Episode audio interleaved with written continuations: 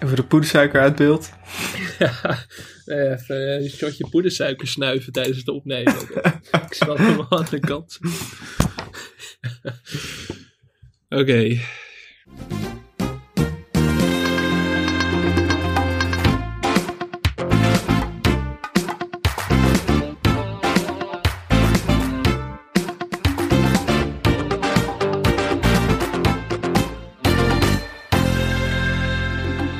Welkom bij Televisie, de podcast waarin we praten over tv-programma's die al dan niet terecht in de vergetelheid zijn geraakt. Of over programma's die iedereen kent, maar niemand ooit gekeken heeft. Programma's die in onze jeugd een onuitwisbare indruk op ons hebben gemaakt en nog steeds bij veel mensen een nostalgisch gevoel oproepen. Hebben ze de tand destijds doorstaan? Verdienen ze nieuwe cultstatus? We onderzoeken het in televisie. Mijn naam is Michel Dodeman, de patient zero van deze podcast. En tegenover mij via Skype zit Alex Maasreel. Alex, hoe is het? Ja, nog steeds uh, klachtenvrij. Gelukkig, je hebt me in ieder geval niet digitaal Gelukkig. besmet. Dat, uh, dat scheelt. Maar, um, maar ja, het lijkt me het handigst voor het, uh, voor het welzijn van de luisteraars. Jij even vertelt hoe het met jou gaat. Ben je, ben je hersteld al? Um, nee, eigenlijk nog niet. Nee, dat is een teleurstellende boodschap. Zo. Maar Nee, ja, ik heb nog steeds eigenlijk elke dag last van hoofdpijn. En uh, ik ben nog steeds een beetje verkouden en daardoor mag ik nog steeds uh, ja, niet uit thuisquarantaine. Dus uh, ik, ik, zit nu al drie weken in principe in thuisquarantaine. Heb je al een soort cabin fever of zo? Dat je als een soort Jack Nicholson in The Shining inmiddels door huis loopt met een bijl achter de dingen aan? Nou, het is, het is wel echt om gek van te worden. En het is ook, er zijn veel mysteries in het leven. Uh, maar misschien wel het grootste mysterie is hoe lang je besmettelijk blijft nadat je klachten zijn begonnen. Want niemand weet het. Nee. GGD vertelt, vertelt elke keer iets anders. De huisarts vertelt iets anders. Buitenlandse instanties vertellen iets anders. Uh, dus ja, ik weet, ook, ik weet gewoon niet wanneer ik weer naar buiten mag. Maar ik dacht ook, ja, ik ben eigenlijk altijd wel een beetje verkouden. Maar ja, nu durf ik het niet. Uh, ik durf het nu niet aan met, met die loopneus. Maar stel nou dat je nog een jaar zeg maar blijft snotteren, dan, dan, dan wordt het nog even flink, flink buffelen voor jou, denk ik. Ja, ik, ik denk niet dat ik ooit nog naar buiten kan komen tot het vaccin er is. Nooit meer. Wat een klap zou dat zijn. Maar goed. Um, ja. Maar hoe vul, jij, hoe Ja. vul jij je dagen nu? Wat, uh... Nou, ik probeer wel een beetje te werken en te schrijven, maar ik heb daar eigenlijk ook niet echt, ja, niet echt uh, concentratie voor.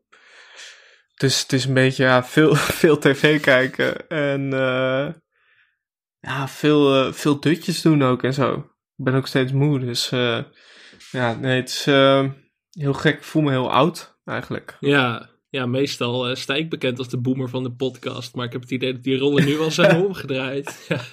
ja, dat denk ik ook. Ja, jij komt gewoon nog buiten. Ja, dat is waar. Ja, ook echt alleen om te wandelen eigenlijk. Ik bedoel, ja. ja, je ziet veel van de stad nu, maar dat, dat is ook wel het hoogtepunt van mijn dag nu, de dagelijkse wandeling. Maar mm -hmm. het, um, ja, het is treurig.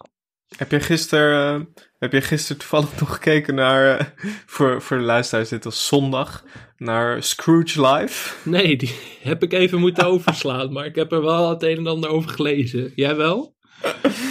nou, ik heb het niet gekeken, maar ik zag net wel wat stukjes voorbij komen en ik dacht, ah, dit is toch ook wel wat hoor. Volgens mij was dit weer een Omroep Max productie. nou, echt uh, wonderlijk wonderlijk. Uh, het, het, was eigenlijk een soort The Passion, maar dan met het verhaal van Scrooge. Mm -hmm. En dan met, uh, ja, echt met een sterrencast. Met Jamai Lohman. Zo. En een veldhuis, een camper. Uh, Goed dat je het woord sterrenkast Kleinsma, wel, uiteraard. Ja, dan heb ik denk ik, ik wou, ik wou een uh, cynische opmerking over sterrenkast maken. Nee, Simone dat trek je me wel echt over de streep. Dat, uh... Precies. Maar Omroep Max is sowieso lekker bezig. Ik zag van de week ook een fragment voorbij komen van Lee Towers in een of ander kerstprogramma met Fred Grapperhaus. Dat ik ook dacht van... heel ontroerend. Echt heel... ja, ik, ik raakte er helemaal van in de kerstsferen. Maar uh, Omroep Max is lekker bezig. Dat was volgens mij iets tegen eenzaamheid of zo. Dat, uh, ja. Ik ben totaal vergeten Ja. waar het over ging. Ik kan me alleen nog Lee Towers herinneren, maar dat... uh, dat Ik heb ook gekeken naar museum, het Museum van Nederland, heet dat geloof ja, ik. ja, ja, met Diederik Ebbingen. van en, eh, Diederik Ebbingen inderdaad, in, met Dionne de Graaf. mhm. Ook van Omroep Max. Was eigenlijk ook best wel leuk. Verrassend leuk. Maar eh, wat voor rol nam Diederik aan? Want we zijn Diederik inmiddels een beetje als eh, toch een beetje gaan associëren met zijn rol in promenade. Dus niet meer zo serieus te nemen eh, of zo. Was dat hier nog een drempel waar je overheen moest stappen? Nee, nou, het was inderdaad, was dat wel even, ik dacht wel even, is, is, is hij er een soort van ironisch bij of zo? Mhm. Is er een, satirisch is Ja. erbij? Maar nee, hij is gewoon, eh, hij is gewoon een Diederik Ebbingen. Niet de Diederik Ebbingen van Promenade, maar de Diederik Ebbingen. Een andere Diederik Ebbingen En, dan je eh, van hem gewend bent dus eigenlijk. Ja, eigenlijk een, be- een beetje de, ja, waar kun je het mee vergelijken? Bij- bijna een beetje de Frits Sissing rol in, eh, eh, tussen kunst en kitsch, maar dan zonder het, ja, hij vangt eigenlijk een beetje de gasten op en zo. Oké. Een beetje gesprekjes eh, tussendoor doet hij. Maar dat is, eh, ja, dat is eigenlijk best wel een leuk programma. Grappig. En, eh, en verder nog hoogtepunten gehad in jouw, in jouw televisierijke week? Eh, nou, ik heb wel weer, dat is inmiddels gewoon vaste prik. Ik heb wel weer gewoon naar Linda's Zomerweek gekeken. Of nee, Linda's Wintermaand. Ja, we hebben het vorige week volgens mij echt acht keer verkeerd gezegd. Acht keer aangeduid als Linda's zomerweek. het valt me mee dat er niemand in de Ja, gordijnen hing. Maar Dat is ook gewoon, Linda's Zomerweek is ook gewoon een hele goede naam. En Linda's Wintermaand is toch echt beduidend het minder. bekt veel minder lekker. Waarom, waarom niet gewoon Linda's Winterweek? Of, nou, nu begin ik trouwens toch te twijfelen. Heet het niet gewoon... Nee, Nee, het heet echt. Linda's Wintermaand. Ja. Nee, ik, wie zaten er deze week? Ik heb het helaas moeten missen.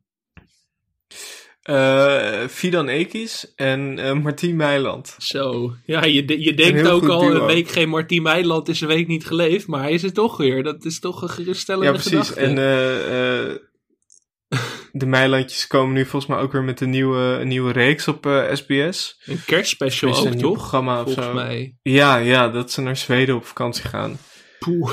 Dus eh, de, de, de BV Meiland eh, gaat eh, still going strong.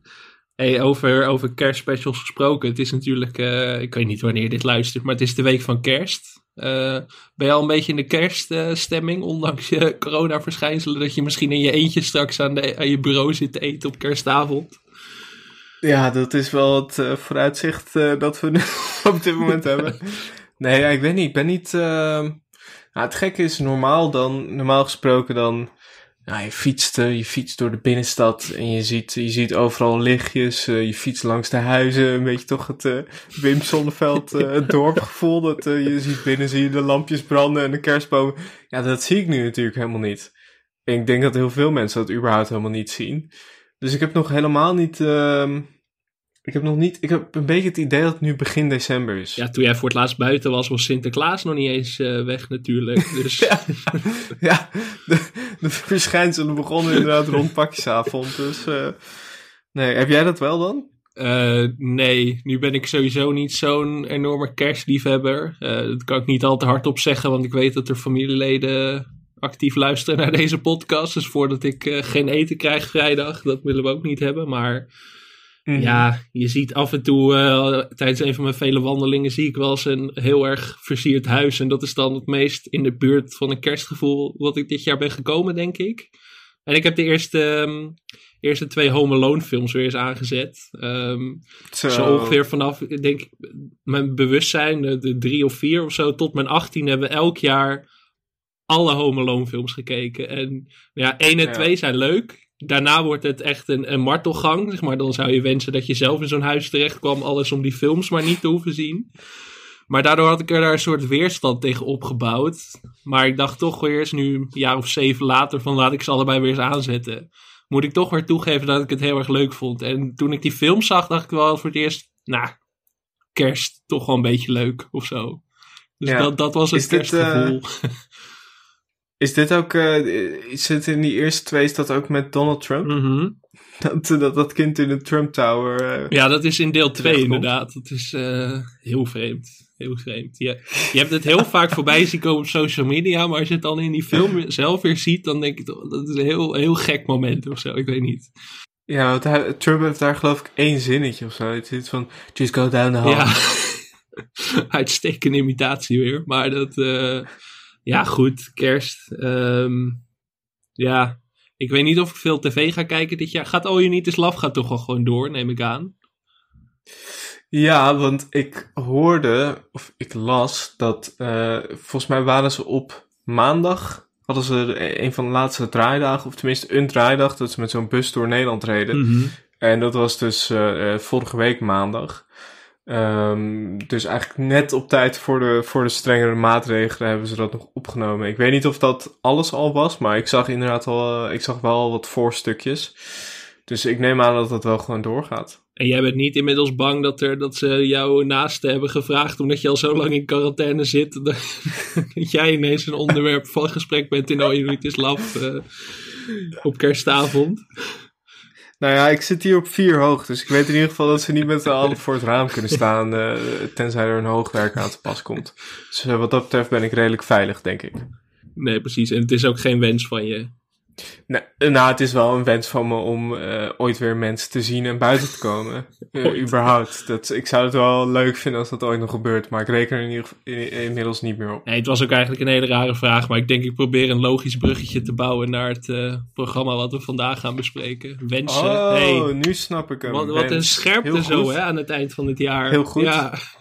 Nou, we gaan, we gaan even luisteren naar het intro, dan weet je waarschijnlijk meteen al waar het over gaat.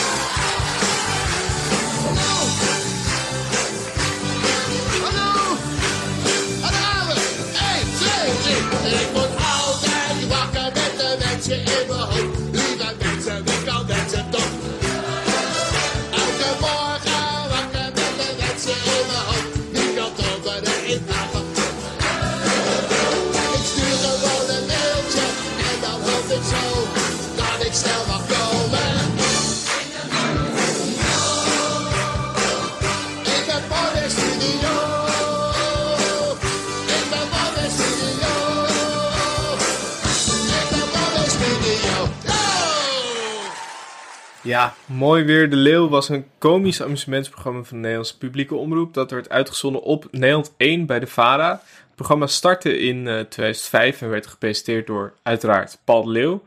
Eh, Mooi Weer de Leeuw was qua, qua uitzendtijd eh, de opvolger van Kopspijkers. Het werd op zaterdagavond uitgezonden, liep tot eh, 2009.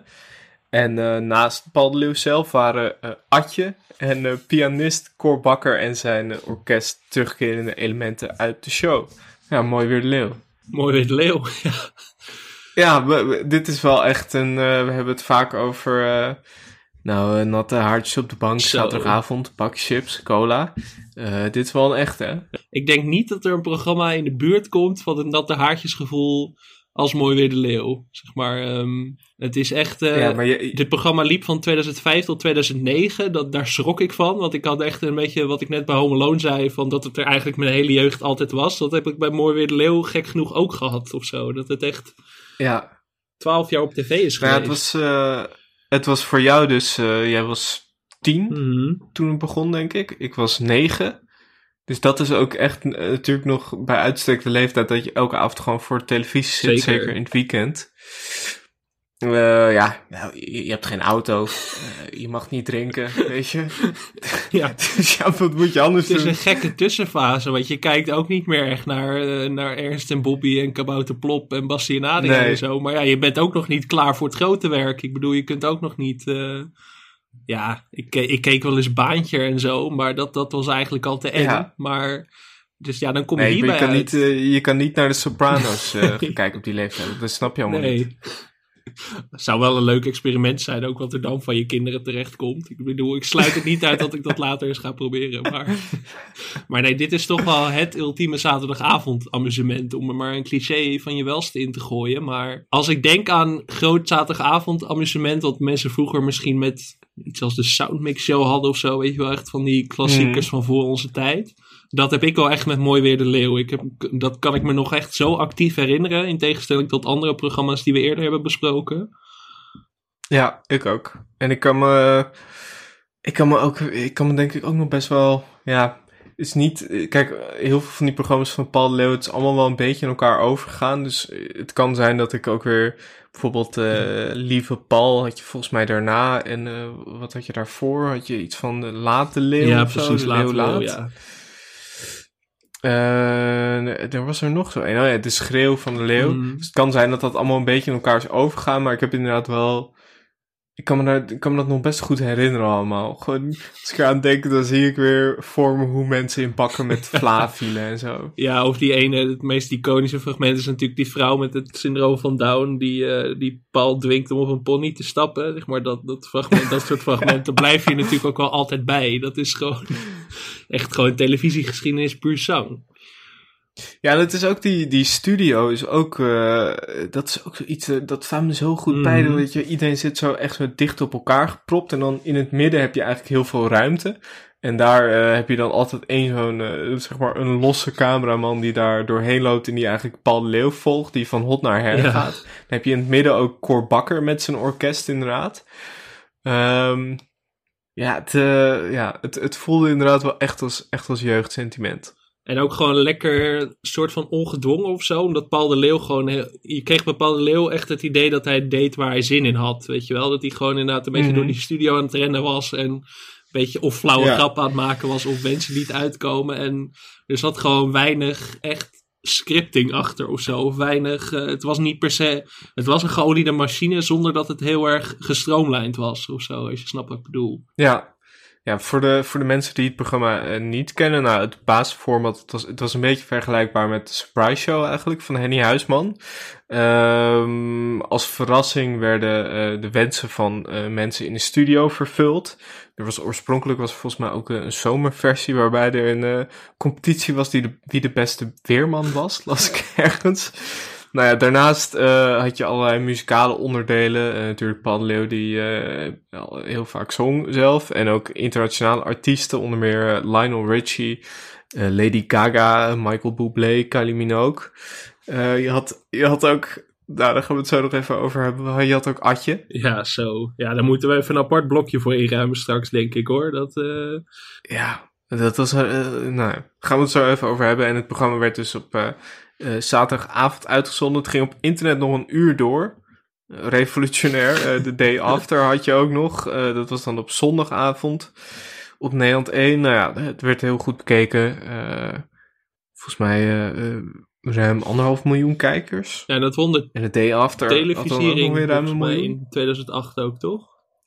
Ja, want wij hebben gekeken naar een eh, aflevering van eh 13 september 2008. Dat is de eerste aflevering na de zomerstop. En dat is inderdaad het jaar dat eh, eh, Mooi Weer Leeuw de, de televisiering wint. En dat eh, Paul de Leeuw voor het derde jaar achter elkaar de, eh, de zilveren televisierster wint. Zo, de Chantal Jansen van de jaren nul dus eigenlijk, eh paaltje. Ja, ja, en gewonnen van Gooise Vrouwen. Zo? Ja, maar Goois Vrouwen won toch ook ooit? Of was het een jaar later dan? Volgens mij wonnen die later, ja. Ah. Ik denk dat het inderdaad het jaar daarna was. Wat een, eh, een iconisch rijtje winnaars had je toen zeg. Ik bedoel, eh, mooi weer de Leeuw, Gooise Vrouwen. De Wereld Draait Door won toen ook volgens mij de gouden televisiering. Mhm. Voetbal, hoe heet het, Voetbal Inside. Wat was het toen? eh Voetbal International, wat het ook was. Ja, dat was. eh, v- eh, g- 2008 was. Ja, 2007 was De Wereld Draait Door. 2008 Mooi Weer de Leeuw. 2009 Gooise Vrouwen. 2010 TV-kantine. En 2011 Voetbal International. En ik moet zeggen dat Mooi Weer Leeuw 48% van de stemmen. Zo. eh, redelijk, eh, redelijk dominant. Ja. Ik, ik zal nooit meer vergeten dat Voetbal International toen in 2011 dus die televisiering won. Dat Mies Bouwman echt moest lachen toen ze Ja. dat voorlas. Dat, dat is echt zo'n iconisch tv-moment. Dat is echt... En toen, eh, toen werd Johan Derks ook nog genomineerd volgens mij voor die zilveren televisierster. Dat is echt krankzinnig als je daar nu aan terugdenkt, hè? Maar En goed. dat was, eh, en dat was achteraf was dat ook nog echt eigenlijk al die jaren. Kijken, er zitten eh, nu de laatste jaren ook jaren bij. Zoals bijvoorbeeld dit jaar, nou ja, Over Mijn Lijken is natuurlijk een hele mooie winnaar. Maar het is niet per se echt een, een kijkcijferknaller. Beste zangers dan weer wel. Nick, Simon en Kees ook wel wat minder. Maar zeg maar rond die jaren, voor, mij, voor mijn gevoel waren dat wel echt de grote jaren van... eh, je had Wies de Mol dat genomineerd werd, The Voice, eh, Ik hou van Holland, TV-kantine... Nou ja, eh Gooise Vrouwen dus, Mooi Weer de Leeuw. Ja, Echt dat grote, grote amusement eigenlijk. Ja dat, dat, dat is nu wel minder inderdaad. Het zijn nu wel minder de publiekstrekkers. En dan in die jaren waren het echt wel de, de watercooler eh, programma's inderdaad. Waar, waar iedereen voor je Mhm. gevoel ook naar keek of zo. Ik bedoel, ja, ik was toen zelf Ja. eh 14, dus het was niet zo dat ik zelf bij het, op kantoor bij het koffiezetapparaat stond te bespreken. maar ik kan me voorstellen dat, dat wel echt een groot deel van Nederland hier naar keek. Zo, een mooi beeld dat jij op je veertiende gewoon in je vrije tijd naar random kantoren ging om eh, daar mee te praten over televisie. Dat ik het laatste plotlijntje in toen was geluk heel gewoon wilde bespreken met een CEO. dat ja, zou wel leuk zijn. Maar nee, dat, eh, Ja, nee, Mooi Weer de Leeuw was er inderdaad. Ik heb ook het idee, ik heb geen idee of dit zo is, dat, eh, dat zullen de luistercijfers uitwijzen. Of dat, dat dit wel echt een programma is wat iedereen ook wel gewoon echt kent. In tegenstelling tot programma's die we eerder hebben besproken. ja, want jij zegt het over, over kantoren, maar dit was wel iets dat je eh, op maandag op school besprak. Ook nog wel op de, op de middelbare school was dat zelfs, zeg maar. Nou, natuurlijk wel dan echt de eerste klas of de tweede klas.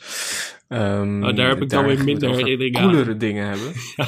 Oh, ja, nou ja, misschien... eh, ja, ik weet niet. Misschien is dat een eh, heel lokaal Ja, iets. in Enkhuizen was dat nog niet VWO-scholen in Amsterdam-Zuid. Ja. Nee.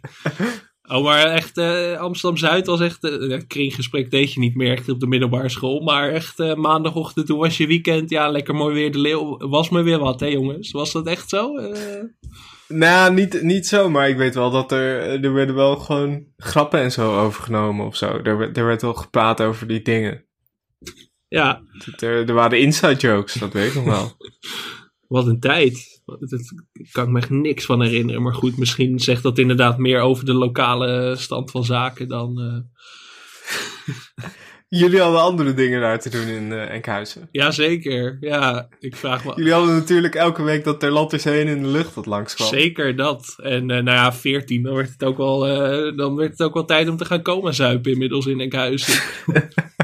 Hallo mevrouw Meeuw, Sandra, hallo. Vertel eens, wat is jouw wens? Nou, mijn wens, vooral voor mijn vrienden hier. We hebben veel vrienden heb je bij je? Drie. Hallo drie vrienden. Wij eh, Vertel. gaan eh, eigenlijk elke keer met elkaar op vakantie. En een vaste activiteit bij onze vakantie is het kroketten. En dan rennen wij eh, de zee in en wij komen op het zand en wij rollen ons in het zand. En dan zijn wij kroket. En dan hadden mijn eh, vrienden bedacht, die hadden zoiets van... nou, lijkt me wel leuk om een echte paneermail te doen. Dus vandaar dat ik een mailtje heb gestuurd. Laat de paneelmail maar komen!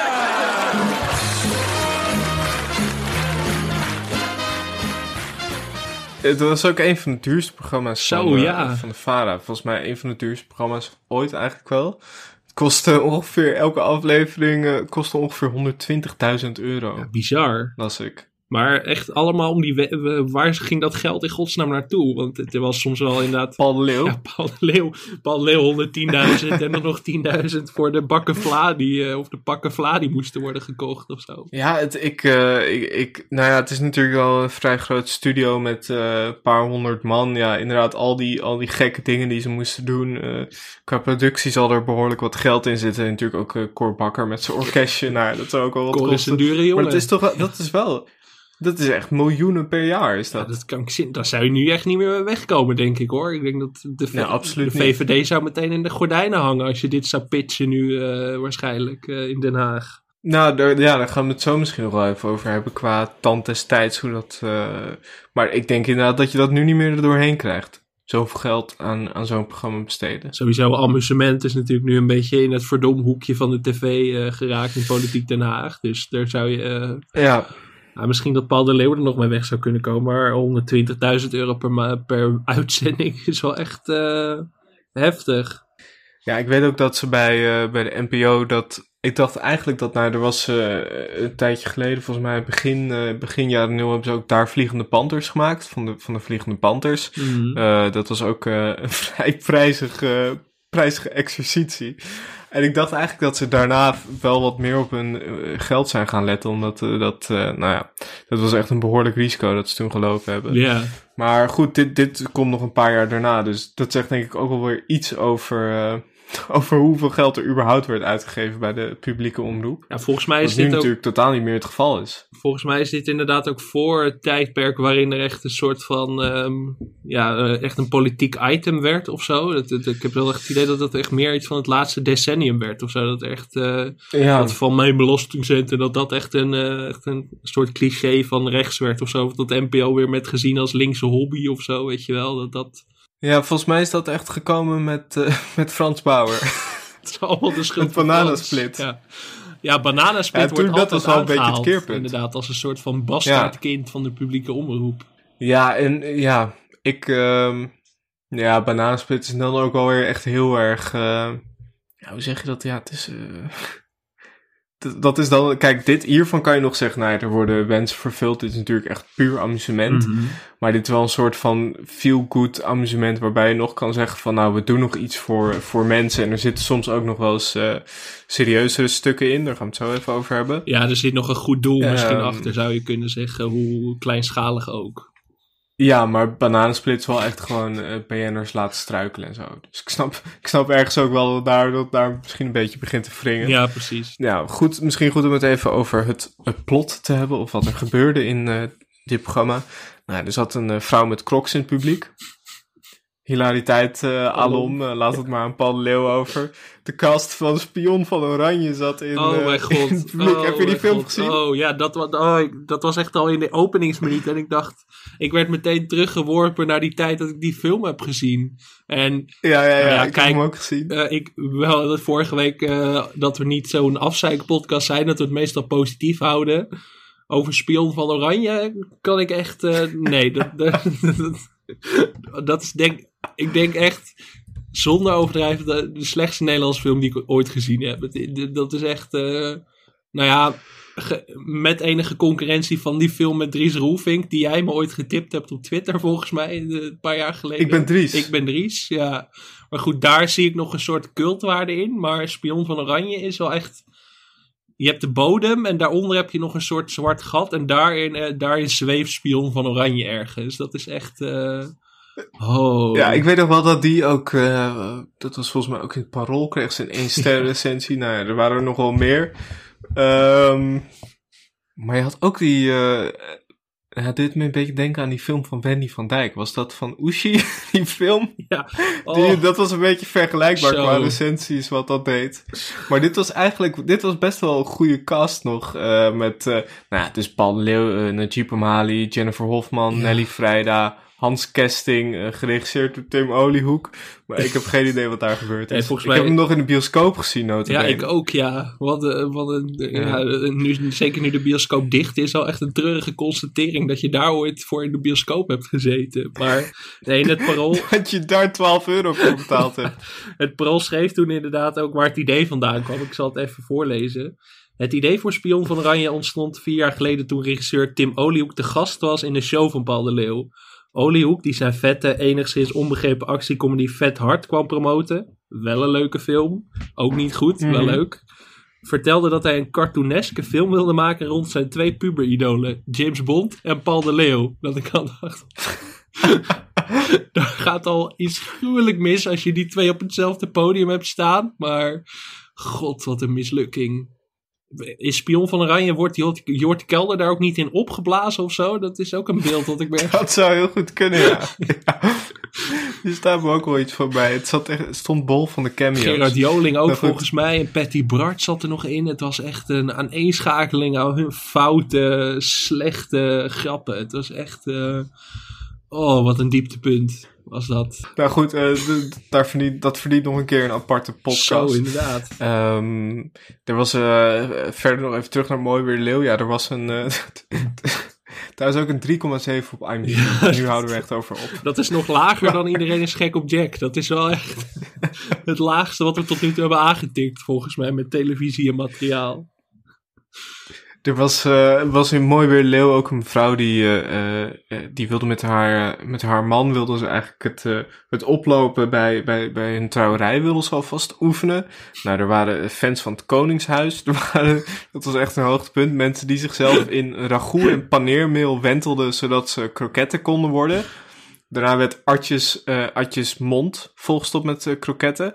En toen, dat was een heel gek moment, maar eigenlijk ook wel weer een goed moment, zaten er opeens twee vaders van eh, vermoorde kinderen in de studio die eh, een paar minuten hun verhaal konden doen. Ja, dat is wel heftig, want dat is ehm, Jack Keizer, zijn zoon, is, eh, is destijds vermoord door een, ehm, door een mislukte drugsdeal, als ik het me even goed herinner.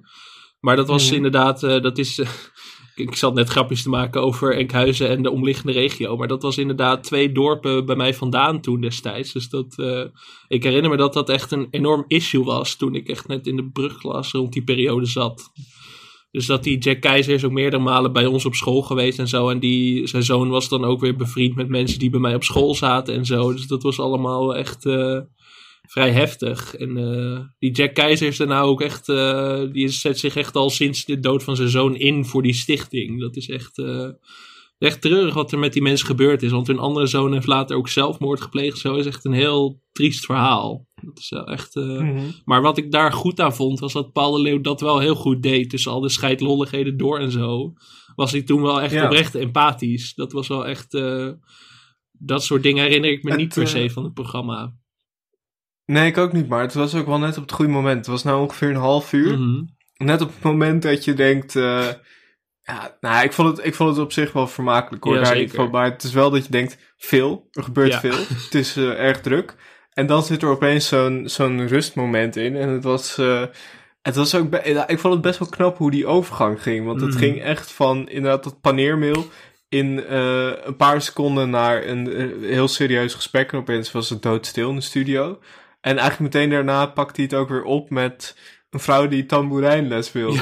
Maar het voelde eigenlijk niet heel gek of zo, die overgang. Nee, het was gewoon heel natuurlijk of zo. En dat vond ik wel echt knap. Dat ik denk van, dan heb je wel echt met een goede presentator te maken. Ik bedoel, hoe flauw je Paul de Leeuw ook kunt vinden. Ik vond het echt eh, knap hoe die dat in elkaar liet overvloeien, inderdaad. Dat, eh shout-out Ja. naar Paul de Leeuw wat dat betreft. Ja, wat ik, eh, wat ik wel heel interessant vond om te zien is hoe erg hij... Nou ja, hij heeft natuurlijk ook eh, een beetje de reputatie dat hij best wel een control freak is. En dat hij alles tot in de puntjes geregeld wil hebben.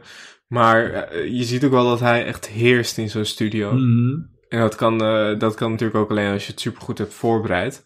Maar dat, dat vond, ik, vond ik wel interessant, dat hij in zijn eentje zo goed die sfeer weet te bepalen. En precies, nou ja, hij kan eigenlijk met die, met die paar honderd man publiek precies, precies doen wat Ja. hij wil of zo. Ja, dat is wel echt knap, hè. Er zijn er echt weinig mensen die dat kunnen nog, denk ik. Zijn er... eh, Nee, ik zat ook te denken, als je, als je dat nu zou moeten maken, ik zou niet weten wie dat eh, zou kunnen doen als Paul Leeuw niet zou doen. Nee. Nee, echt totaal niet. Echt, eh, schiet me ook niemand te binnen. In die zin is het wel echt bijzonder. En dan is het ook wel bijzonder dat het daarna een beetje eh, mislukt is of zo. Dat het trucje leek uitgewerkt. Na Mooi Weer de Leeuw heeft hij nog wel pogingen gedaan met Lieve Paul en zo volgens mij. Maar het is nooit meer...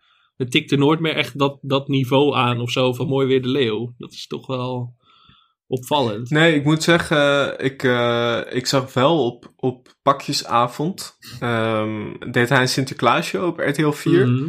met, eh, met Hans Kesting als, eh, als Sinterklaas. Eh, oh, ik hoop niet dat de kinderen luisteren. Hans Kesting als, hulp vriend Sinterklaas. van Sinterklaas, eh, jongens en meisjes.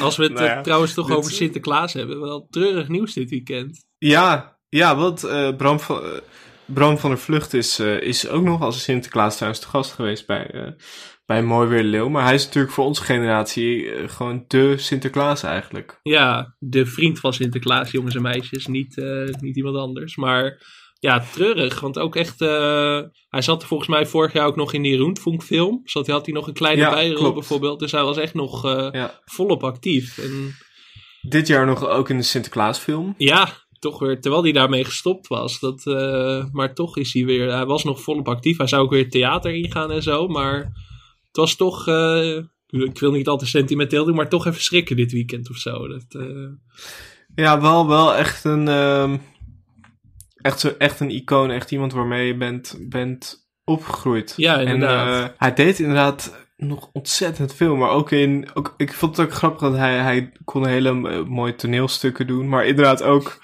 eh eh Roentfunk of... volgens mij zag ik ook nog ergens voorbij komen het Huis Anubis. Oh, dat zou zomaar kunnen. Ja, was het in die Huis Louis film dan of zo? Zat hij daarin? Ja, dat, dat was Ik het. vind ja. het ook eng dat ik dit uit mijn hoofd en, weet, eh, maar goed. Dat, dat terzijde. Anubis en de wraak van Argus heet hij. Uitstekende film. Ja, binnen de kijk. Ja.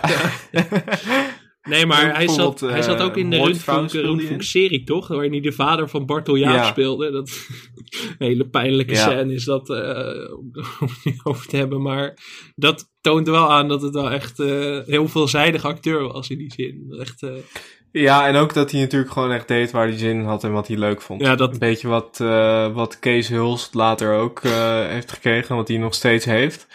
Die, die zat natuurlijk trouwens ook in de Rundfunk Ehm, en de film. Maar dat, dat, daar hou ik wel van, van, eh, van dat soort acteurs die gewoon precies eh, doen eigenlijk waar ze zin in hebben, zonder dat ze heel erg nadenken van, hm, past dit wel bij mijn imago, of kan ik dit wel doen? Precies, ja. En gewoon ook echt eh, de beste adviseur van Sinterklaas ooit. Wel, denk ik. Ik bedoel, de latere opvolger Stefan de Waller doet het ook hartstikke goed. Maar het was toch wel altijd Bram van der Vlucht, toch? Die, Ja, die, Zeker. gewoon de beste adviseur was. Ik las ook dat hij inderdaad nooit, eh, het nooit als een rol wilde omschrijven of zo. Maar dat hij het echt, eh, dat hij echt eh, zichzelf zo als, als... Ik hoop echt dat er geen jonge kinderen luisteren. Ik voel me een soort prem die nu live op tv zegt... die van je geloof af laat stappen. Maar... ehm, Nee, dat hij echt, echt altijd in zijn rol bleef. Ook in interviews en zo. Dat vond ik wel mooi. Ja. Dat, eh, dus eh, in die zin een, eh, nou ja, ja, wat zeg je dan? Ik, wil- ik wil niet rest in peace zeggen, maar ik kan ook niet echt voor iets beters verzinnen nu. een groot gemis, Groot denk gemis. ik. Mooi, mooie inzichten. Ja. voor, voor Nederland. Ehm, maar goed, sorry, ik, was nog, ik zat nog even over die Sinterklaas special van Paul de Leeuw. Ehm, met dus eh, Hans Kesting als assistent. En dit, daar vond ik, dat was wel weer redelijk ouderwets, maar tegelijkertijd, ehm, zeg maar ouderwets, ouderwets als in, in, als in die tijd van Mooi Weer Leeuw. Het voelde best wel hetzelfde. Mhm. En ik dacht, nou, volgens mij zou dit nog best wel kunnen, maar op de een of andere manier zit het publiek daar toch misschien niet helemaal op te wachten. Nee. Nee, en hij is nu natuurlijk best wel een andere kant op geslagen. Hij eh, is weg bij RTL inmiddels, waar hij een paar jaar heeft gezeten. En dan ben je wat talkshow-juries, of eh talkshow-juries, talentenjacht-juries heeft gezeten. En hij is nu Ja. natuurlijk, eh, vormt een presentatieduo met Astrid Joosten bij Op1. Dus eh, Al zijn ze daar, volgens mij was dit nu de laatste week. En Paul zit eh, net als ik in eh, quarantaine. Dus, dat eh, was wel al voor de opname. En niet dat we weer de vloek van televisie eh uitroepen Nee, over nee, nee, precies. maar- Trouwens, over die vloek gesproken. Vorige week Marco Kroon eh, veroordeeld. ja, het, Sorry, ik wil daar niet om- over lachen, maar eh, wel weer typisch. Nou, ja, Het is ongelooflijk. We hebben eh, elke week nu ook schade. Het is ook niet waar je ook kijkt. eh, Er gebeurt wel iets, zeg maar. Ik, ik hou mijn hart weer vast deze week. Maar nee, maar daar, wat dat betreft is het veilig dat Paul in quarantaine zit. precies. Ik hoop dat hij daar nog even een paar dagen... Ja. Dat hij daar nog een paar dagen in blijft. Eh, nou ja, goed. eh, ik, oh ja, ik was nog aan het bespreken wat er... Sorry. Voor, eh, het voelt een beetje als een Paul de Leeuw aflevering ook. Zo rommelig Alle kanten op. Ja, maakt niet uit. Joh, mensen zitten toch in de kerstsfeer. Dat, Precies. We zullen zien of die komt. Oran, waar is Oran? Oran Boussakli. Oran Boussakli. Hi, Oran. Hi, Vertel, waar kom je vandaan? ik kom uit Brabant. Maar ik woon in Amsterdam. Oké, en wat is jouw wens? Mijn wens is als Jezus gefotografeerd worden. Als Jezus gefotografeerd te worden. Waarom? Omdat ik erop lijk. Zeggen ze. En wie zegt dat dan? Alle homo's. Alle homo's. Alle homo's in een darkroom. Hey, hey, hey. God, jullie... Oh ja, Jezus. Jezus. Jezus. Er was, eh, er was in het programma ook nog een man die eh, verkleed eh, wilde als Jezus. en een foto wilde maken. Nou ja, dan ga je naar de studio van Paul de Leeuw. en er was nog een optreden van Amy McDonald die Mr. Rock and Oh. Roll zong. oh, Dat heb ik even doorgespoeld Jezus. als je het niet erg vond. ja, nou, ik dus niet. Dat had ik wel moeten doen. Maar weer even een ergernismomentje van de week. Dat nummer heb ik ook zo vaak gehoord vroeger. Daar heb ik echt een actieve, echt een actieve hekel aan gekregen. En ja, dan kwam het ineens weer langs. En je denkt van, oh ja, dit bestond ook nog. En toch meezingen. Dat is dan weer... eh, Ja, eh, zeldzaam, zeldzaam irritant nummer. Net als, ken je dat nummer... kijk, als we nou toch aan het afdwalen zijn, dan... Ken je dat nummer Fireflies van Owl City? ik ben heel Dat was ook een beetje rond die periode. Nou, dat, dat trok ik ook niet. Ja, ik heb geen idee. Heb verder maar- niks uit jou als je het nummer niet kent? Nou, Val goed, genadeloos knip er allemaal hier. uit. Maar, eh hey joh, dat Knip er allemaal uit. word ik... Wat vond je ervan? Ik vond het... ehm, ik vond het hartstikke leuk, eigenlijk. Misschien was het de stemming waar ik in zat. Ik bedoel, eh, weinig entertainment in het leven op dit moment. Dus eh, dit was wel echt... eh, ik had hier eigenlijk wel behoefte aan, gek genoeg. Zonder al te dramatisch te willen klinken. Maar ik, het, het viel niet door de mand in ieder geval. Of zo. Ik, werd er niet ik keek er niet cynisch op terug. Ik vond het nog steeds, eh, ondanks de, de hoge grapdichtheid... en niet altijd even geslaagd... en de pijnlijke herinnering aan Spion van Oranje... dacht ik wel echt van... Ja, En de Hitlergroet die binnen 10 minuten al eh, ja voorbij ik kwam. bedoel, eh, hè, dat ja, moet gewoon kunnen. Maar. Ja, dat, dat vind ik trouwens wel interessant over, over of dit de tand des tijds heeft doorstaan. Ik denk dat Paul Leeuw is natuurlijk iemand die zich ehm, niet laat remmen. En ik denk dat hij echt in deze week, als hij zo'n soort show zou hebben, dan denk ik dat hij om de paar weken eh, wel weer ergens trending zou zijn. En dat er opiniestukken zouden komen over dat het allemaal niet kan en zo. Misschien dat dat ook Ja, een beetje een rol waar, eh, ja. erbij speelt. Ja, er kwam volgens mij toen ook al veel kritiek op de rol van Atje en zo. En op de, eh, ook op die scène waar we het net over hadden. Die eh, vrouw met het syndroom van Down, die pony en zo. Daar is volgens mij ook al wel wat kritiek op geweest. Maar het is natuurlijk nog net het pre-Twitter tijdperk of zo. Waarin Mooi de Leeuw, Mooi de Ja. Leeuw zich afspeelt. Dus ik denk dat dat wel klopt wat jij zegt. Dat je daar nu misschien minder makkelijk mee weg zou komen met zijn stijl van tv maken of zo. Misschien dat dat ook de verklaring is waarom het minder goed werkt. Of zou werken nu, anno 2020. Ja, want ik, ik weet inderdaad dat hij toen destijds in die tijd ook al, eh, volgens mij in België was er toen ook, is hij ook nog wel eens in, in opspraak geraakt. Nou ja, dat, dat had je toen inderdaad ook al, maar ik denk dat het nu, ehm, dat daar echt veel minder ruimte voor is. Ja, precies. Dus ehm, ja, zou je, eh, om het maar even over Atje te gaan hebben, misschien het Atje-blokje even in te starten met een fragmentje. Ja. De bedoeling is dus dat je een kroket bent. Ach, laten we eerst eens even kijken hoe een kroket eruit ziet. Hier is Artje met zijn kroketten!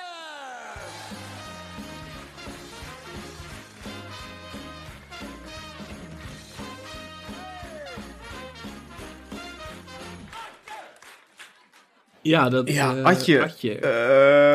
Wat moeten we daarover zeggen? Ik zat, ik zat er terug te kijken en ik dacht, ik weet nog dat het in die tijd echt een soort discussie was van, eh, die, eh, vooral in de begintijd van, nou die Atje, is dat nou, eh, is dat nou echt of is dat een eh, acteur? En als je het nu terugkijkt, dan denk je, ja sorry, wie denkt nou weer dat dat echt was? Maar ik dacht dat ook gewoon hoor. Ik bedoel, 14 jaar Ja. Alex dacht ook gewoon van, is dit, is dit echt? ik bedoel, ik stond bij die watercoolers gewoon zo van, ja maar Atje, is Atje nou een concept? Of moeten we Atje letterlijk nemen? Dat, ehm, ja, zou dat nu nog kunnen? Denk het niet toch? Met, Nou, ik denk dat er vooral, ik denk niet zozeer dat het niet meer zou kunnen, maar ik denk vooral dat er heel meewarig op gereageerd zou worden van, wa- waarom, eh, waarom is dit of zo? Waarom, bestaat wat, wat doet die acteur daar? Ja, het is ook een hele Maar rare was het, rol. eh, Het, is echt, ja, ja je, je vraagt je tijdens het kijken wel echt af van, waarom zit Atje erin? Ja, en ik vraag me ook eh, heel erg af hoe dat, ehm, hoe dat gebeurd is. ja, hoe het ontstaan is überhaupt. Maar wat ik ook zat te denken, kijk, eh, nu zouden we ook wel vrij gauw weten, dit is een acteur. Mhm. Toch? Die man heeft gewoon een naam en zijn naam is niet Atje. Eh, die heeft gewoon een volledige voor- en achternaam. Maar blijkbaar in die tijd werd dat ook niet opgezocht of zo. Van, heeft deze man ooit eerder al eens iets gedaan of zo? Eh, blijkbaar was het ook niet zo dat er... Ja, ik- vraag me dan ook af, hoe ging dat als hij door de supermarkt liep? Want moest hij dan Atje aanhouden? Of, Dat hij ook in dat pak zei hij gewoon zelf- boodschappen ging doen. Dat hij, ja, of zei hij wel zelf gewoon tegen mensen... Nou ja, ik ben wel gewoon acteur. Nee, echt heel gek dat we daar zo over getwijfeld hebben in die tijd. heel vreemd. Maar ik ben daarna natuurlijk wel meteen eventjes op internet gaan speuren wat er anno 2020 over is van Atje of van de acteur die hem speelt. Mhm. ik ben zijn naam vergeten, maar dat is ook niet per se relevant. Ik bedoel, hij zal altijd Atje blijven. Maar hij heeft nu... eh, Ja. Hij is toch weer, eh, toch weer voort gaan leven als Atje anno 2020. Echt? Hij eh, heeft jarenlang een klein pretparkje gerund met zijn, met zijn partner. Ja. Dat is inmiddels klaar, maar hij heeft nu een eigen YouTube-kanaal. En ik wil graag even een fragmentje laten horen nu. We hebben tijdens corona niet stilgezeten. Hier is Gabberhaus. Daar komt Grapperhaus, vechtje Grapperhaus. Onze grapper die maar al te graag beboet. Daar komt Grapperhaus, vechtje Grapperhaus. Onze grapper die steeds malle dingen doet. Minister van Justitie leeft de wetten van de staat. Houd wel voldoende afstand, anders maak je Fredje kwaad. Daar komt Grapperhaus, vechtje Grapperhaus. Onze grapper die maar al te graag beboet. Daar komt Grapperhaus, vechtje Grapperhaus. Onze grapper die steeds malle dingen doet. Ja, hij maakt dus eh, filmpjes, het kratje van Atje. En dat eh, is alles wat je erbij kunt voorstellen. Ik raad het vooral aan om het eh, zelf even op te zoeken. Het wordt niet heel goed bekeken, dus de populariteit van Atje hing toch al sterk af van Paul de Leeuw in die zin.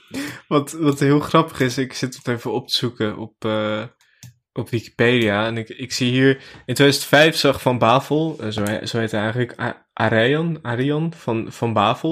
In 2005 zag Van Bavel een oproep van Paul de wensen in te sturen voor zijn nieuwe programma. Van Bavel besloot een mailtje te sturen als zijn alter ego Atje van Nispen om zo reclame te maken voor zijn eerste theatervoorstelling. Van Bavel kwam uiteindelijk met zijn muziekgroep de zingende decoupeerzaag in Mooi Weer Leeuw. Zowel de Leeuw als de redactie wisten toen niet dat Atje en de andere leden een rol vertolkten.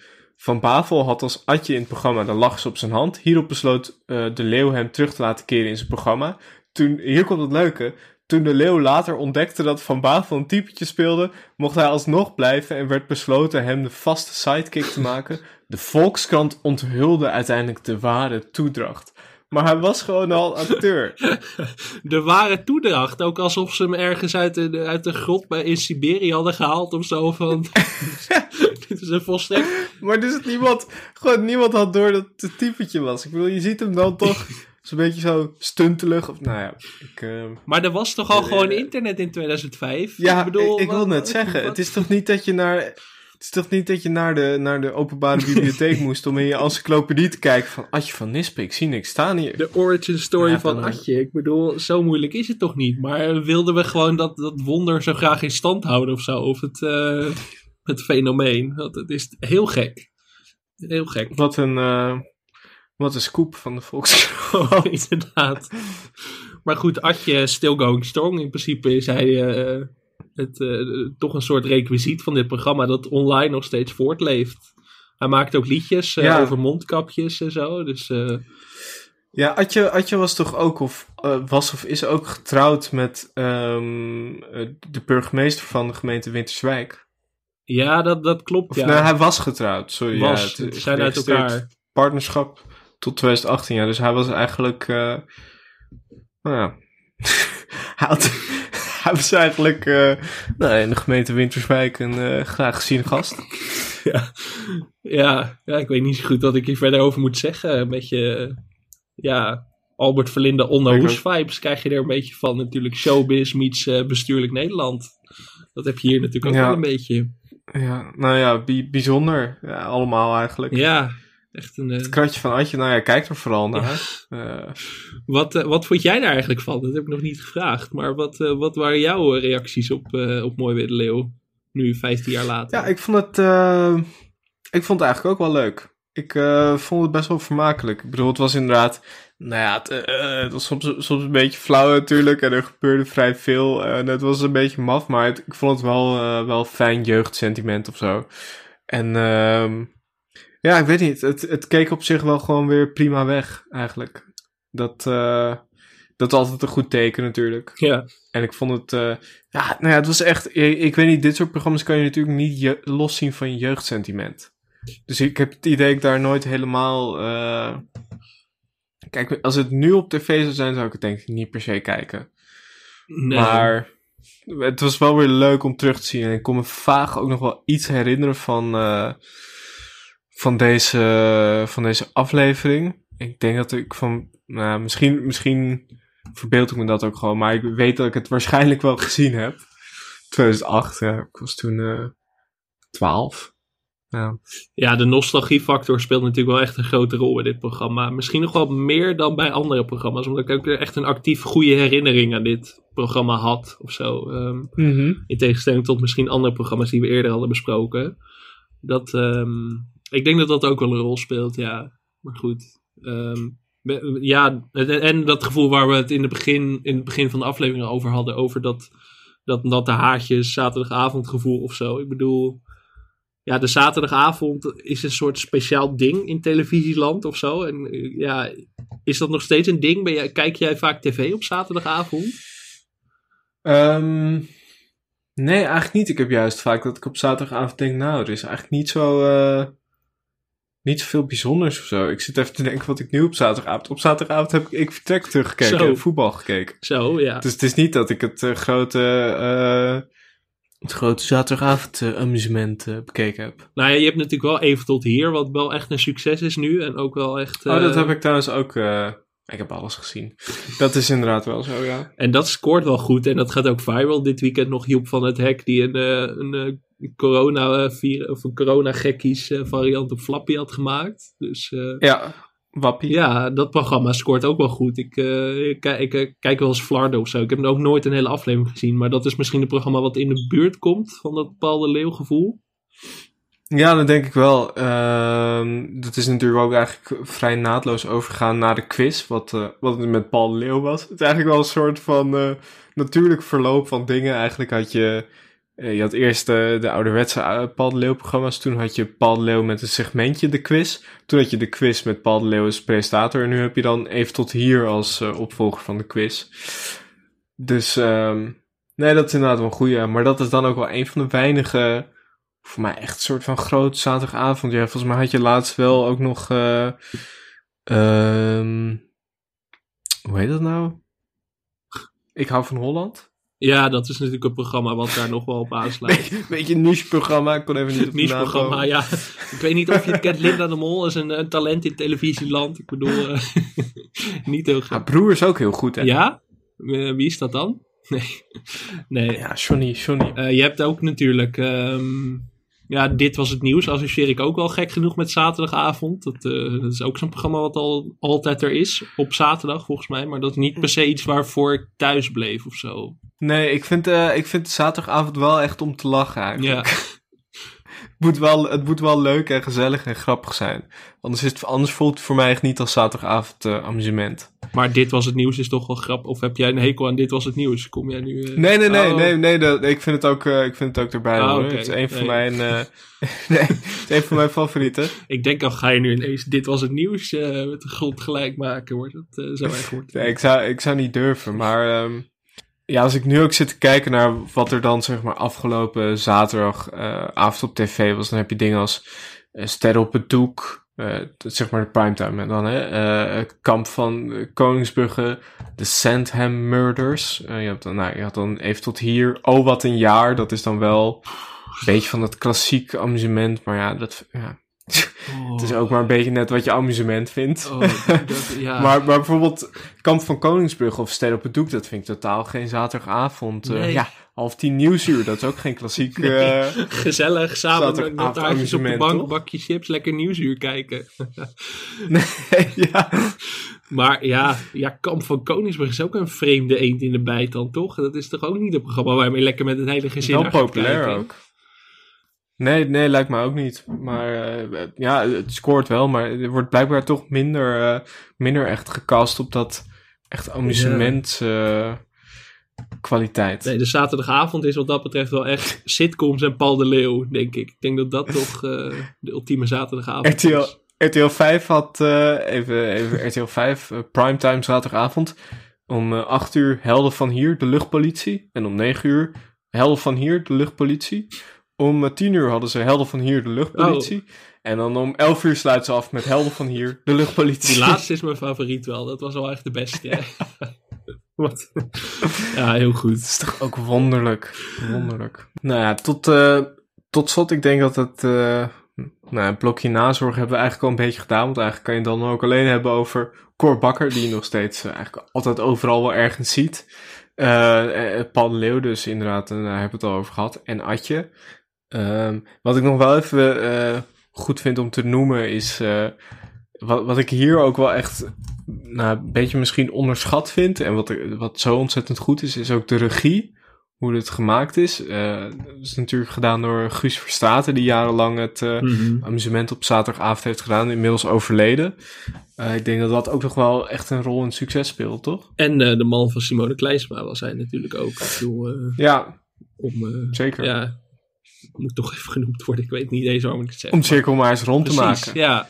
Ehm, nee, leuk. Ja, ik zag nog op Instagram hadden we nog een reactie van eh, Robin Konings. Die, die was minder enthousiast. Die zei, het aantal flauwe grapjes in deze show is nog erger dan een aflevering van Iedereen is gek op Jack. V- vind ik te betwisten. maar hij zei nou, 500 voornamelijk vrouwelijke lachzakken in de studio en je hebt een concept waar je u tegen zegt.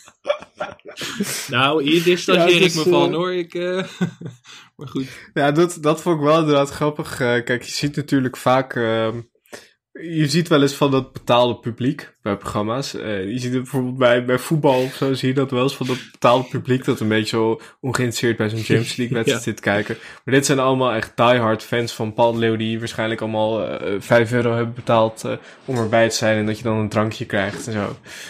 Eh, Ja. Dat, dat, dat eh, draagt natuurlijk ook wel echt bij aan de sfeer, want dat, nou ja, de sfeer in de studio, dat, ik ben er zelf nooit geweest, maar dat zag er vrij knus Heel en gezellig gezellig. uit. Heb jij wel eens in het publiek gezeten ergens? Ja, ja, ik heb wel eens. ehm, even kijken, ik heb wel eens. Vraag me niet waarom, ik dacht dat het leuk was. Ik was toen nog jong. Ik heb wel eens in het publiek gezeten bij Wie van de Drie. Dat eh, eh, gepresenteerd werd door eh, Wendy van Dijk toen volgens mij. Dit is wel echt een jaar of tien geleden. Mhm. En nou, ik vond dat erg. ik vond het echt. ehm, ik dacht echt, waarom, waarom heb ik dit nou weer gedaan? Het was, je zat er met heel veel mensen op zo'n tribune. In die, volgens mij was dat de Animal Studio tegenover de Johan Cruijff Arena. En dat was dan met zo'n publieksopwarmer die dan zo... Hey, hey, jongens, hebben we er zin in? Ik wil oh. alleen maar enthousiaste mensen zien. Zo. En nu op je allerenthousiaste juichen. En dat werd dan echt tien keer gedaan. En dan, eh, ja, ja, het was natuurlijk echt verplicht lachen en zo. En eh, er werd echt heel erg op gehamerd van je moet lachen, je gaat in beeld komen, je moet een glimlach op je eh, gezicht hebben. je moet het leuk vinden. Nou, dat was echt. ehm, nee, ik was echt. Ik was blij dat het af was eigenlijk. Je zit dan ook. Moest ook de wave doen. Ja. Weet je hoe vernederend dat is? Om gewoon zo. Woe, met z'n allen de hele tijd. Ik zie jou ook Echt al zitten erg. zo, jee. Gewoon dat, ja, dat is ook nooit leuk. Ik vind dat in voetbalstadions ook altijd heel kut. Ik, ik weiger er eigenlijk ook altijd aan mee te doen. Maar in de studio is het nog wat intiemer, omdat je daar maar met eh, tientallen mensen zit natuurlijk. ik bedoel, tussen duizenden mensen Ja. doet, valt het minder op. Ja, dat was echt niet best. Ik heb, wel, ik heb ook een keer, eh, nou, over dit was het nieuws gesproken. Daar heb ik ook wel eens in het publiek gezeten. En dat was eigenlijk hartstikke leuk. Omdat dat eigenlijk, ehm, dat is veel langer dan de eigenlijke opname. Mhm. En het voelt eigenlijk alsof je gewoon naar een, eh, een soort grappige talkshow zit te kijken of zo. Het is, eh, in het echt is, bij de opname is het wat meer een, ja, voelt het wat meer, zeg maar, natuurlijk. En is Ja. het wat minder op grap gericht, maar wel ontzettend vermakelijk. Hangt natuurlijk ook een beetje af eh, vanaf wie de, wie de gasten zijn. Ehm, maar dat was nog in de tijd met eh Raoul Heertje en eh, Thomas Acta. Ja, dat was wel echt het hoogtepunt van het programma natuurlijk. Ik kijk nog Ja, steeds was, graag, eh, maar dat was wel echt de perfecte bezetting natuurlijk van dit als het nieuws doen. Ja, en eh, heb jij wel eens in het publiek gezeten? Nou, ik heb volgens mij ik heb twee actieve herinneringen aan dat ik in het publiek heb gezeten. Volgens mij wel vaker, maar dit zijn de twee die me nu te binnen schieten. Ik heb één keer ook echt actief meegedaan aan een programma. Zo'n eh, een spelshow op RTL 5 van Winston Gerstenovic Nee. en Nicolette van Dam. Ja, wel in het publiek, zeg maar. Je had een soort, Oh. Het was een soort goedkope rip-off van, eh van eh, 1 tegen 100. En dan eh, Ja. moest je kennis eh, getest worden. Ik, eh, ik vol zelfvertrouwen, op mijn vijftiende ging ik ergens naar een industrieterrein in Baarn. Volgens mij, volgens mij was het in Baarn in de studio.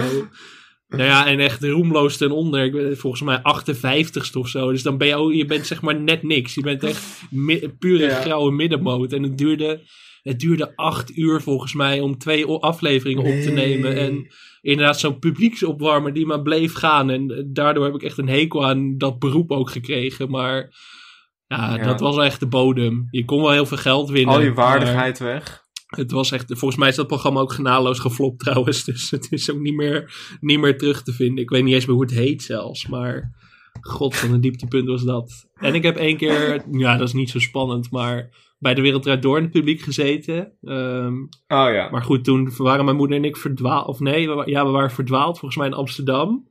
We zijn uiteindelijk met een hele shady taxichauffeur. Die, die nog de body. Die, die aangaf dat hij de bodyguard van Holleder was vroeger. Dus dan weet je, gezellige taxi. En die reed nog drie fietsers aan bijna onderweg. Dus het was al helemaal. De aanloop was al chaotisch. Dus we kwamen volgens mij tien minuten voordat de uitzending begon binnen. Nou, allemaal hartstikke leuk. We zaten boven, dus we zaten niet in beeld of zo. Maar na afloop wilde mijn moeder eh, per se een foto met Najib Amali. Die was volgens mij tafelheer of die was de gast. of ik die foto dan wilde maken. Dus ik, ik pak mijn telefoon uit mijn zak. Batterij leeg. Echt, zeg maar, mijn moeder stond al Oh, klaar nee. en ik, ik kon gewoon geen foto nemen toen. Dat was echt, eh, ja, dat heeft mijn moeder me nooit vergeven, denk ik. Ik ben, eh, ik ben ook wel eens, eh, ik heb ook wel eens in het publiek gezeten bij eh, De Draait Door.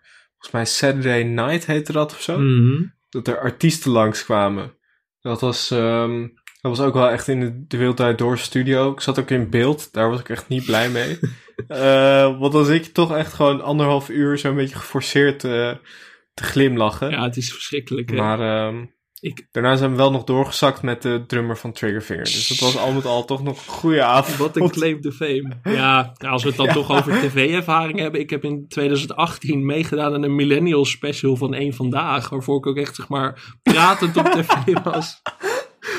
Oh, ja. Echt? Is dat ergens terug? ja, helaas wel. Maar goed, eh, je moet... Oh, dat is erg leuk materiaal voor de. Ja. En ook voor eh, deze podcast. Ja, dus dat ik aan het klagen was dat ik eh, straks een studieschuld van 10.000 euro's heb en zo. Dat, dat is drie jaar geleden, denk ik. Ik ben er niet trots op, Oh, maar wat goed, goed. aangezien podcast het nieuwe therapie is voor, voor millennial mannen, is dit, eh, is dit een openbaring. Maar dat, eh, ja, dat was ook wel echt de bodem eigenlijk. Ik kijk daar niet met trots op terug. Dat, eh, Oh, dat vind ik echt heel goed. Dit, deze beelden gaan we zeker opduiken. Ik werd toen ook gevraagd, omdat ik in. Ik, ik ben natuurlijk trouw deelnemer van het Eén Vandaag Opiniepanel. Dat heb ik één keer ingevuld. Dat ga ik dus ook nooit meer doen, want hier daaruit volgde dus dit televisieoptreden.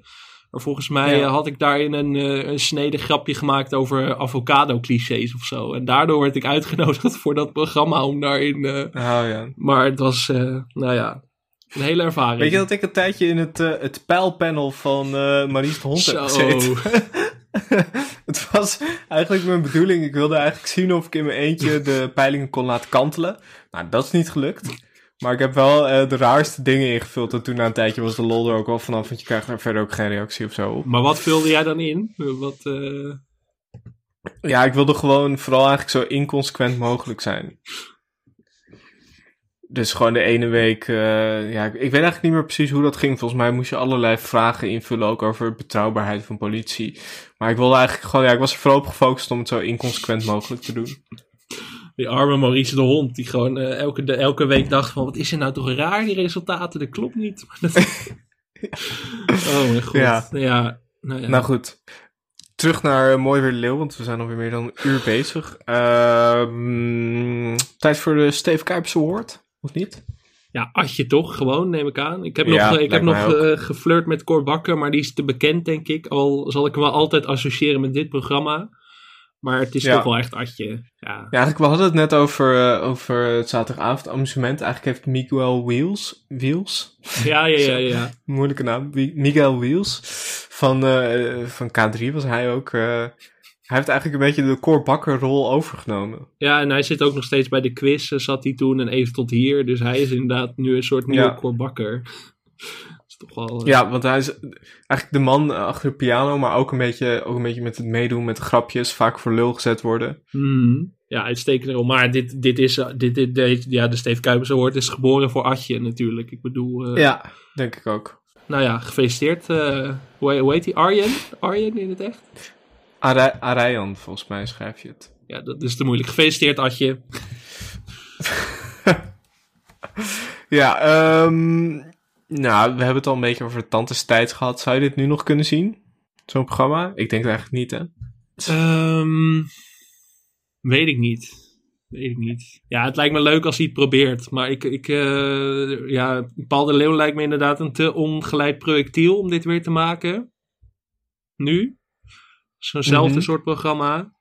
Dus, eh, nou, ik sta open voor experimenten, maar, eh, nou ja, ik, ik weet het niet. Wat denk jij? Nee, ik denk dat zo'n programma, je zou het echt, we hebben het al over gehad, ja, ik zou ook niet zo goed weten wie het anders zou moeten doen. Je zou dit alleen met Paul Leeuw kunnen doen, maar ik weet niet of er, of er A, budget voor is, eh, B, of er nog genoeg animo voor is, C, of je ook niet echt, ja, of je daar echt de pure vrijheid voor nog, kan, nog voor kan hebben. Dus, ja, ik, ehm, nee, ik zou het niet goed weten. Nee, ik, eh, ik denk dat we het beste bij ons eh, jeugdsentiment kunnen laten. Dat het daar mooi, eh, Ja. mooi af is.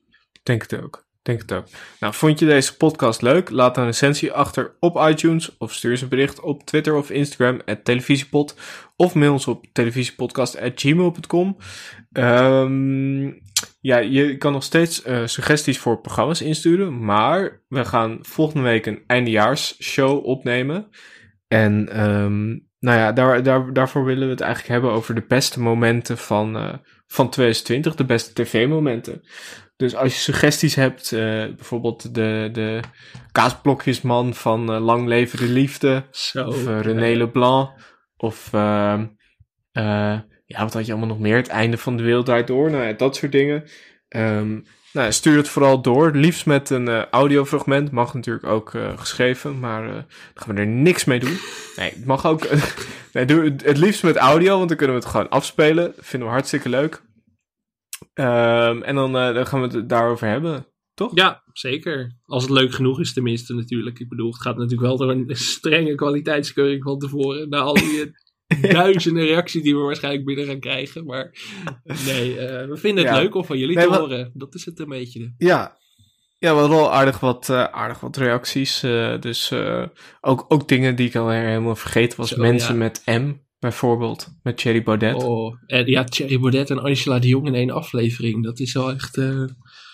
ja, nou goed. Gaan we het volgende week wel over hebben. Ja, dus stuur dat vooral door. Dat kan je naar ons mailen of op eh, de social media naar ons sturen. Of vriend van de show. Veel dank.